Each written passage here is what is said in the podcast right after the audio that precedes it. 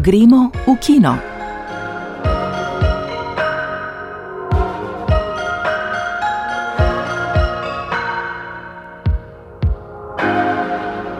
Lep pozdrav in dobrodošli v naši filmski oddaji.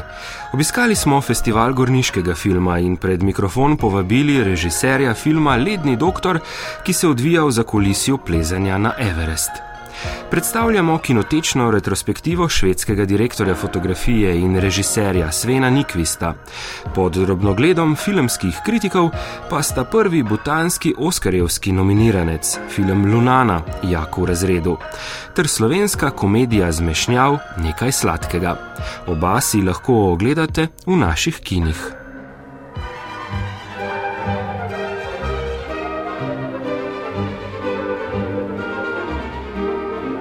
Začenjamo Štigličevimi nagradami, ki so jih predstavniki Društva slovenskih režiserjev in režiserk podelili sinoči v slovenski kinoteki v Ljubljani.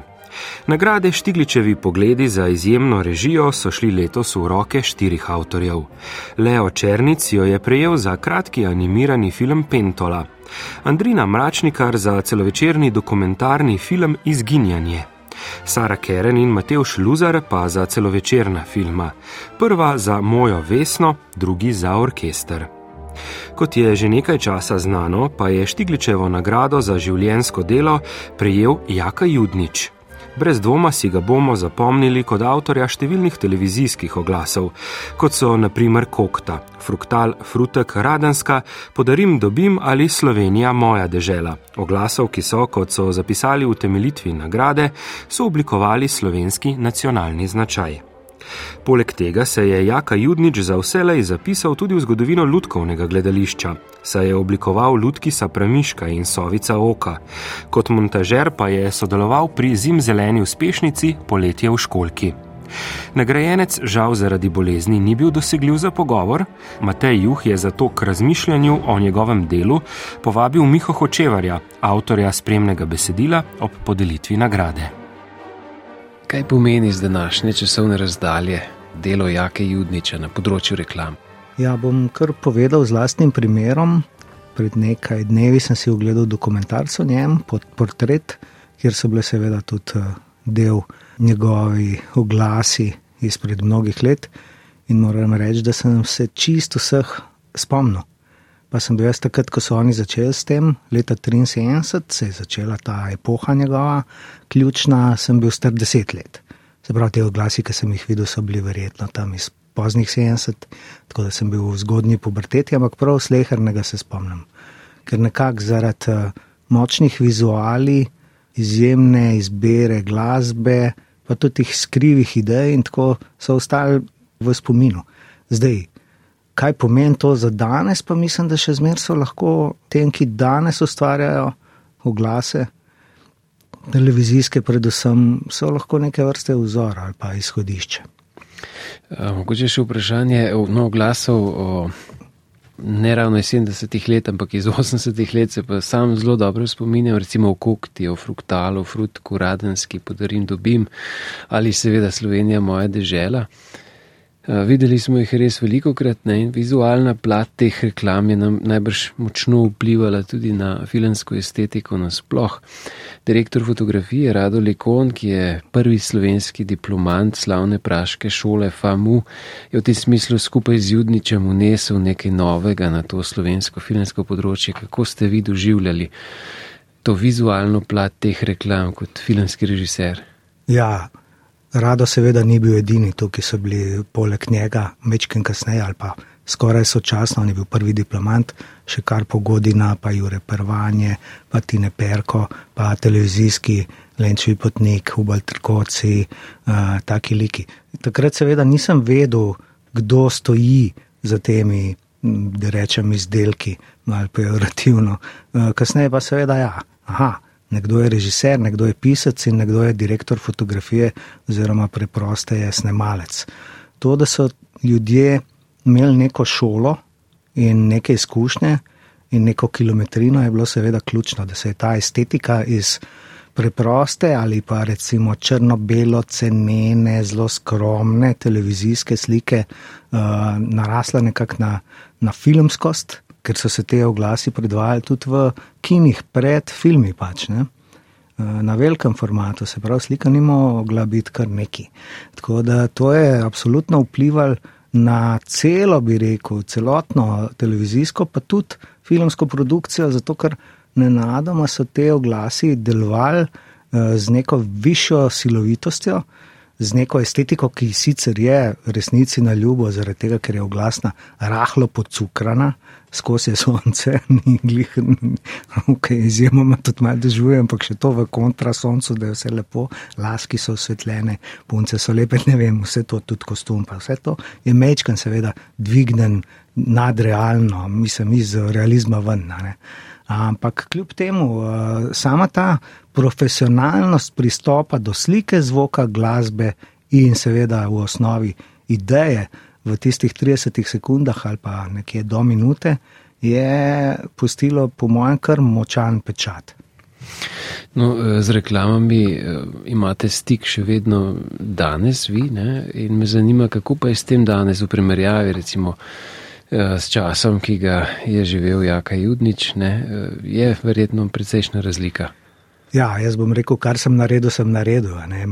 Tle je vedno tako ta karijera, ne, recimo ustvarjalca televizijskih oglasov kot režiser ali pa pisec je za mano. To je vedno mal krajšega daha kot režija recimo pri filmu ali pa tako. Zakaj? Zato, ker se mečkaj ni spoješ, nisi več v tem trendu, seveda tudi se, se išče mlado meso, ampak žal se pa ne išče tudi mlade ideje. Ne? Tako da, kar je moje razočaranje, pa tudi Jaka Judnič v nekem intervjuju rekel, pa dobro, kaj zdaj to?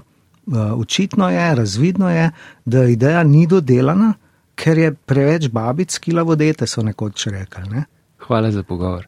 Hvala tudi vam. Da, molim. Buongiorno, Kaja.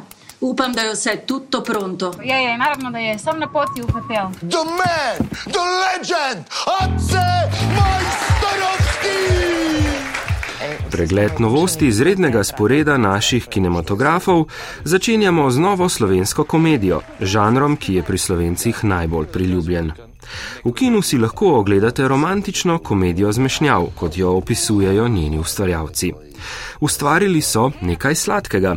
To je naslov filma, pod katerega se kot režiser podpisuje stand-up komik Tin Vodopivec, ki je v sodelovanju z Urško Majdič napisal tudi scenarij. Nekaj sladkega si je v kinu privoščil Igor Harp in tole je njegova recenzija.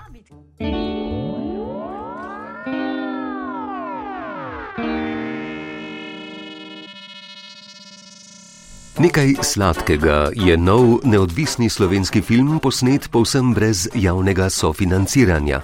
Gre za romantično komedijo zmešnjav, žanr, ki je blizu so scenaristu, so producentu in režiserju Tinu Vodopivcu, sicer znanemu stand-up komiku.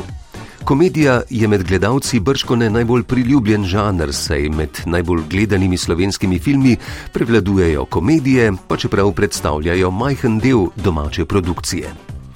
Glavna junakinja zgodbe je organizatorka dogodkov Kaja, ki jo upodobi odlična hrvaško-makedonska igralka Jelena Jovanova. Njena karijera je na dnu, a jo lahko reši udeležba svetovno znanega marketinškega guruja na konferenci v Ljubljani, ki pa žal obtiči v Skopju. Medtem ko se ga na vse kriplje trudi spraviti prek Balkana, prepriča hotelskega slaščičarja, ki mu je precej podoben, da ga oponaša. Oba lika odigra makedonski igralec Saško Kocev. Vse to seveda zakuha vse večjo godljo med organizatorji konference in hotelskim osebjem, usporedno pa spremljamo dogodivščine guruja na poti v Ljubljano, ki so kot film ceste. Ta dvojna lokacija uravnoteži akcijo in ustvarja tempo zgodbe, poskrbi pa tudi za obilico dodatnega humorja. In humor je pri komediji vsekakor najpomembnejši element. Vodopivec gradi na bogatih izkušnjah in izpopolnjenem poznavanju ključnih elementov komedije, tako da izgradnjo vzdušja in napetosti razbija z obilico šal in dovtipov, ki praviloma padajo na plodna tla. Pri tem si zasluži pohvalo za strpnost, saj se ob multikulturni zasedbi uspešno izogiba plehki stereotipizaciji posameznih narodov nekdanje skupne države, kar pa ne pomeni, da humor ni sočen, žmohten in zabeljen s kletvicami. Dobro izkoristi tudi parado znanih slovencev, ki poživijo sicer povsem epizodne vloge in tako ustvarijo pomenljivejše like. Kljub neodvisni produkciji je tudi podoba filma povsem profesionalna, za kar gre zasluga tako nagrajenemu direktorju fotografije Darku Heriču, kot tudi režiserju, ki kljub neizkušenosti očitno ve, kaj počne. Ustvarjanje filma je kompleksen in dolgotrajen proces, ki ga je brez sredstev skoraj nemogoče izpeljati, kar se je z izjemo fenomena Prhostar poznalo pri vseh domačih neodvisnih filmih doslej morda nekaj sladkega odpira novo poglavje.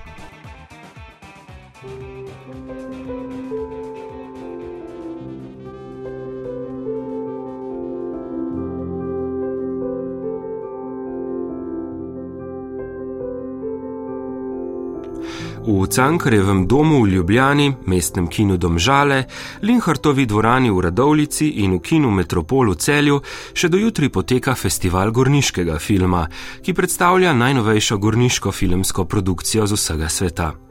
Petra Meterci je pred mikrofon povabila režiserko Ano Sandrini, ki je posnela film o Rablju, obmejnem kraju skritem v gozdovih Julijskih Alp, ki je bilo nekoč eno najrazvitejših naselij na širšem področju.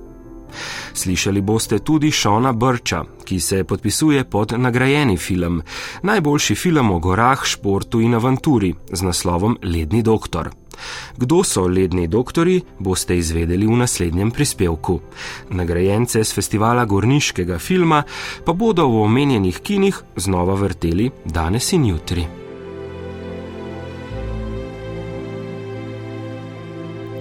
Šerpa Angnima, junak filma Ledni doktor, na pobočjih Everesta že več kot 30 let upravlja najnevarnejše delo na svetu.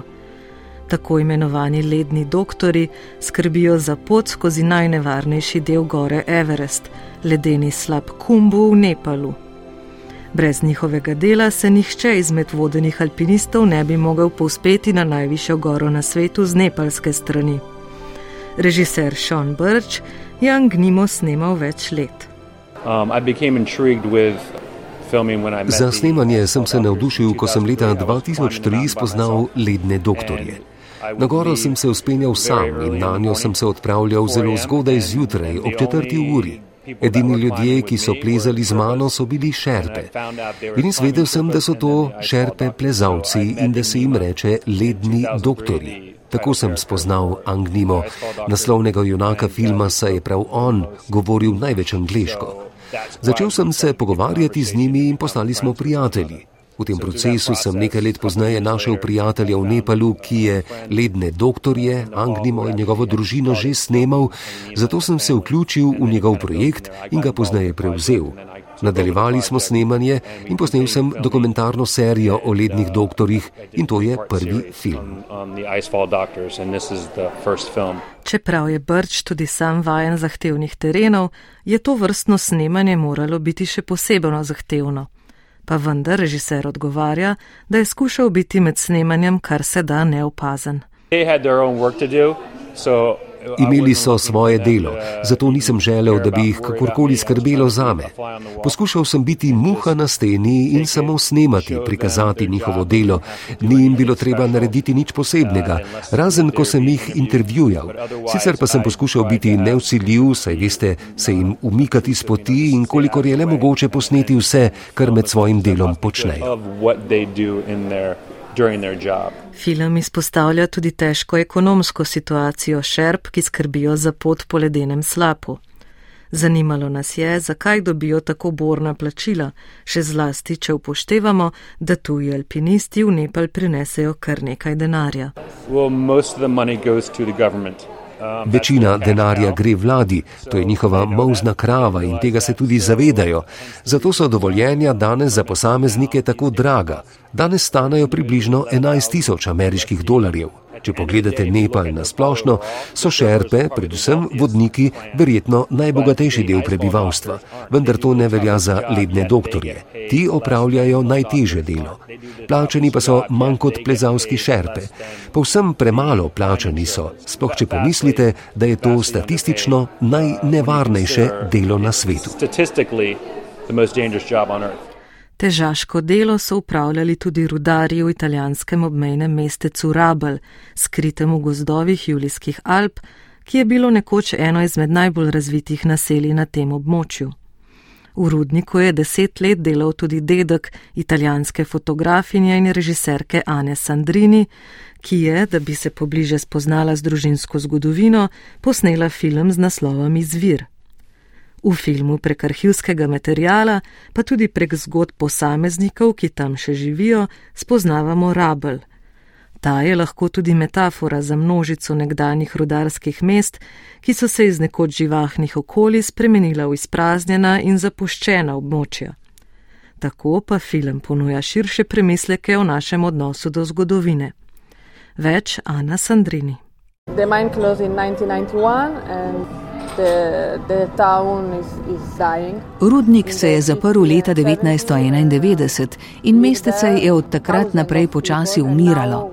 V 50. in 60. letih prejšnjega stoletja je v njem živelo vsaj tisoč ljudi, danes pa jih tam živi morda 200. Imajo le bar in trgovino. To je velika škoda, saj se tako izgublja tudi zgodovina tega mesta. Sama menim, da se lahko iz te zgodovine veliko naučimo. Ko se ekonomski model spremeni, je precej enostavno povsem pozabiti na taka območja. Mislim pa, da bi morali za nje poskrbeti. Spomini so pomembni za nas vse in za taka opuščena naselja v gorah si moramo zamišljati nove možnosti. Še vse do nedelje si lahko v kinih, tako v Ljubljani kot v Radovlici, Celju in Domžalah, ogledate epske zgodbe z Himalaje, pa filme s plezalno tematiko in filme s tematiko gorske narave. Kachira beru, he ganeja mi bate, canto tobe, njim atara, kau ma živoj bi jumi delokasi imela. Film, ki se mu bomo posvetili v naslednjih minutah, je prejel številne nagrade občinstva in se kot prvi botanski celovečerec lani uvrstil med finaliste za mednarodnega Oskarja. Lunana, jako v razredu, je celovečerni igrani prvenec botanskega režiserja in scenarista Pava Čojninga Doržija. Zgodba je enostavna. Mladi učitelj sanja, da bi zapustil botan ter v Avstraliji uspel kot pevec. Toda načrte mu prekriža napotilo naj zadnje leto pripravništva opravi na osnovni šoli v odmaknjeni himalajski vasi Lunana, kjer nimajo ne elektrike, ne učbenikov, ne šolske table. Film si je ogledala Gaja Pešal.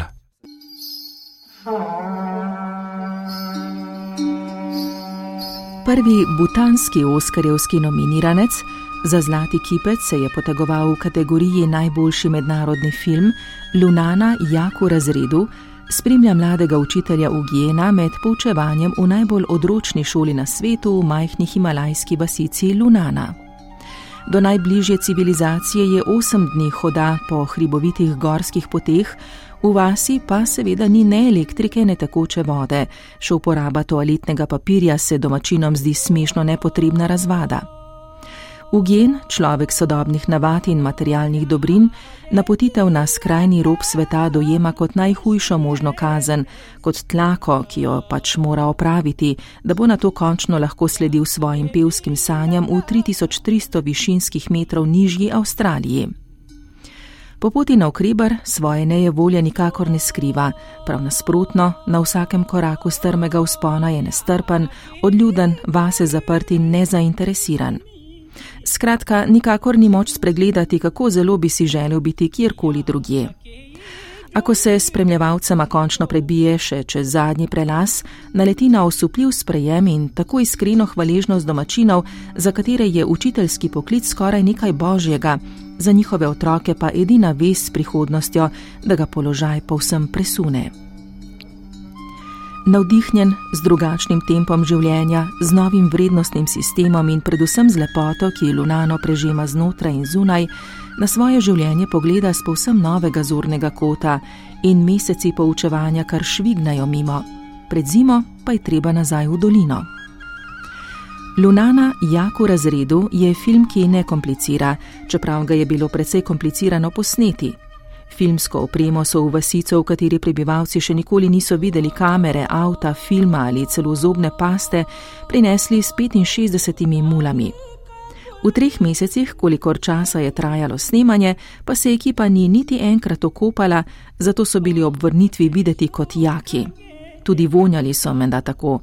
Domačine so igrali kar prebivalci vasi sami in čeprav je zgodba izmišljena, film podaja širši, skoraj dokumentarni pogled, ki življenje v tako imenovani temni dolini približa iz različnih vidikov in se imenitno sklada z njegovo nežno, a globoko vsebino. Glavno sporočilo filma Lunana Jaku razredu je po besedah režiserja Pava Čujninga Doržija, da so upi in sanje, ki povezujejo človeštvo, celo v tako edinstvenem svetu enaki. In prav ta edinstvena povezanost nečesa univerzalnega, kot je sreča, z nečim tako zelo specifičnim, kot je Lunana, film spremeni v vizualno in vsebinsko čudovito potovanje.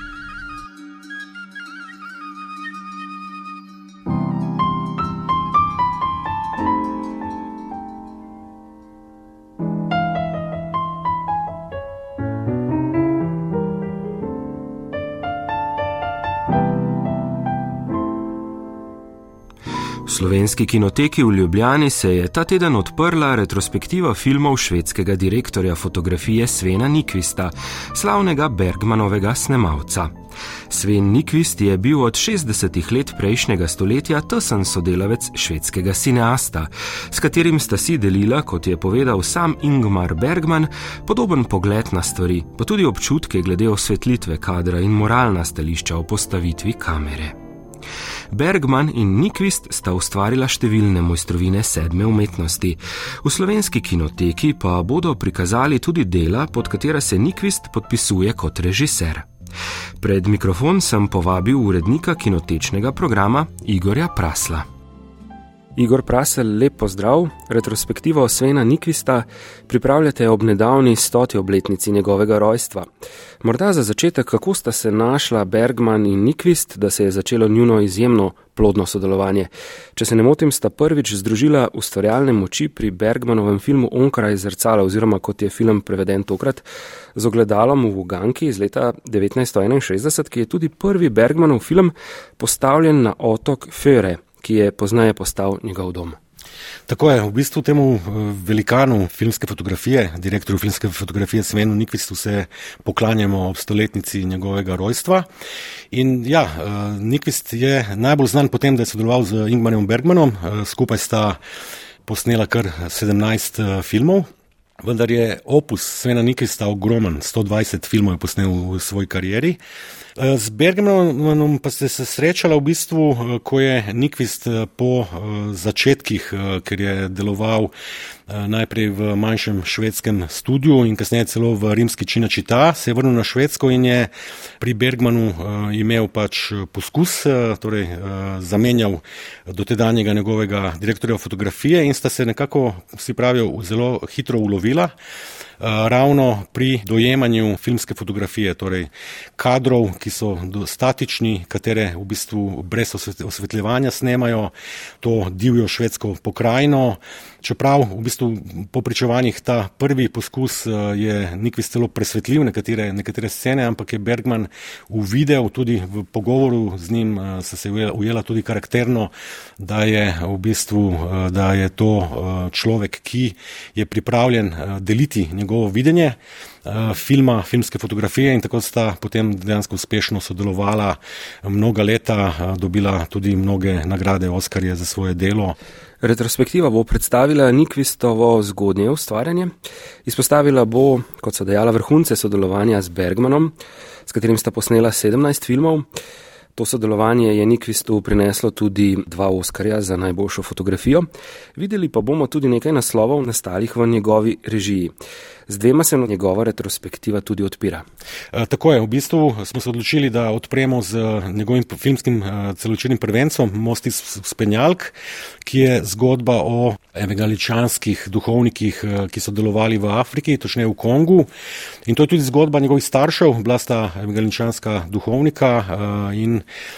v bistvu prvi kratki film Klic eh, je nekako eh, Švedski filmski inštitut ga restauriral in digitiziral ob tej njegovi obletnici rojstva in je to pač posvetilo njegovemu očetu, s katerim je imel zelo težke odnose, torej zelo stroga vzgoja. Rastel je praktično brez staršev v internatu na švedskem, vendar je z leti nekako se odločil, da bo naredil posvetilo svojemu očetu, ki je bil tudi fotograf in tudi Nikvist je najprej začel kot fotograf. Se mi pa zdi pomembno, da Eh, preko te retrospektive odkrivamo še eno zelo pomembno ime, ki ga pri nas še nismo poznali in to je švedska igralka in filmska režiserka Maj Ceterling. Prikazujemo tudi njen film uh, Prevenec ljubeči pari in sama tudi igra v Mostu iz Spanjalk in je zelo pomembna avtorica, katero bomo uh, podrobneje še spoznavali vsekakor v, v prihodnosti. In še en film bi omenil, oz, oziroma televizijsko serijo iz obličja v obličje Ingmarja Bergmana iz leta 1976, televizijska serija posneta v štirih delih, ki še ni bila prikazana izven Skandinavije in smo v sodelovanju z uh, produkcijsko hišo Cinematograf, to je Bergmanova produkcijska hiša, dobili možnost prikazati tudi to televizijsko serijo v štirih delih. Igor Prasel, hvala za predstavitev retrospektive filmov švedskega direktorja fotografije in režiserja Svena Nikvista, ki bo v slovenski kinoteki v Ljubljani potekala do 26. marca. Hvala vam in upam, da pridete pogledat na veliko platno filme mojstra svetlobe Svena Nikvista.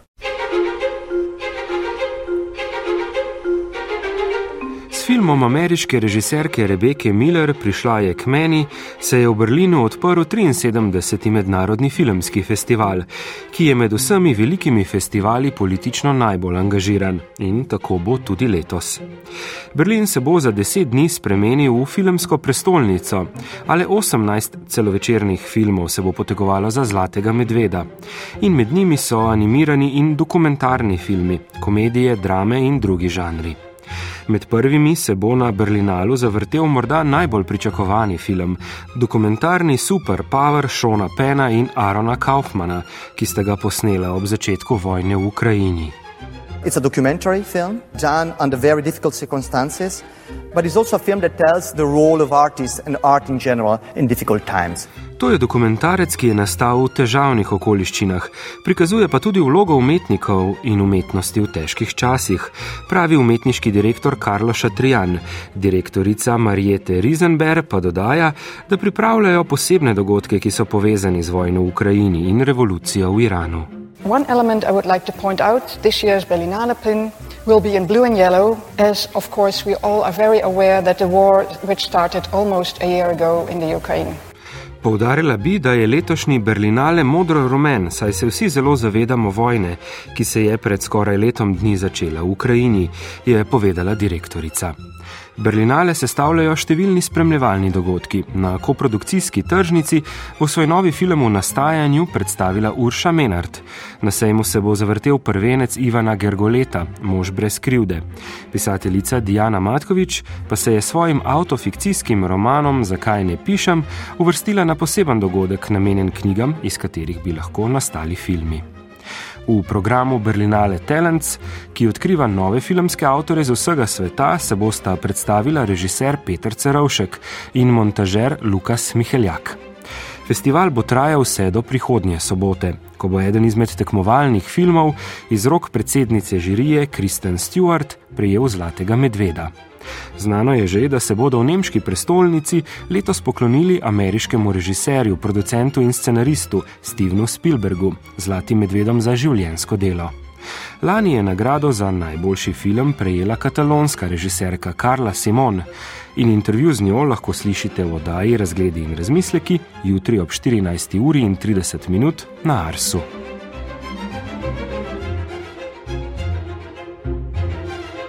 Prihodnji teden od četrtka do sobote bodo v slovenski kinoteki v Ljubljani potekali dnevi etnografskega filma, ki jih organizirata Slovensko etnološko društvo in znanstveno-raziskovalni center Slovenske akademije znanosti in umetnosti. Bienalni festival je posvečen etnografskim in dokumentarnim filmom, ki jih ustvarjajo etnologi in antropologi, pa tudi neodvisni filmari in dokumentaristi. Ob njegovi izvedbi pa podelijo tudi plaketo Nika Kureta za zasluge pri razvoju etnografskega filma v Sloveniji.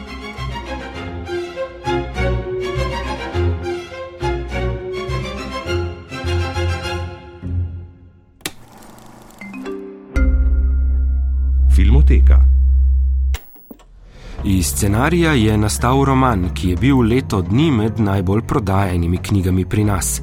Iz njega gledališka predstava in potem se je zgodba vrnila na izhodišče. Goran Vojnovič je pred desetletjem končno posnel še film o Fužinah, Marku, Adiju, Acotu, Dejanu, njihovih starših in o privlačni voditeljici, ki se dela, da Marka ne pozna. Zgodba prve in druge generacije priseljencev iz držav nekdanje Jugoslavije se poigrava s stereotipi in razkriva nestrpnost slovenske družbe. Na tragikomičen način z obilico humorja podaja trpke zgodbe iz velike ljubljanske soseske med Zaloško cesto in Ljubljanico, ki velja za eno od najgosteje naseljenih območij v Sloveniji. Vojnovičev celovečerni igrani prvenec Čefuri Raus si lahko izposodite v kompletu z njegovim kratkim igranim filmom Fountain, komedijo, ki jo je Vojnovič posnel stoletje potem, ko je Marcel Dišam razstavil svoj znameniti pisoar in z njim spremenil pojmovanje umetniškega dela. V filmoteki na spletni strani založbe kakovostnih programov in v aplikaciji RTV 365.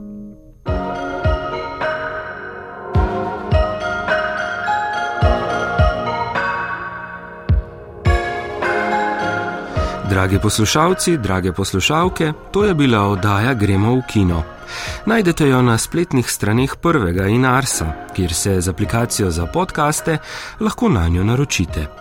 Z vami smo bili glasbena upremljevalka Tina Ogrin, tonska mojstra Robert Markoč in Klara Otorepec, napovedovalci Eva Longi Kamarušič, Igor Velše in Barbara Zupan. Odajo sem pripravil in vodil Urban Tarman. Filmski pozdrav do prihodnega petka in srečno!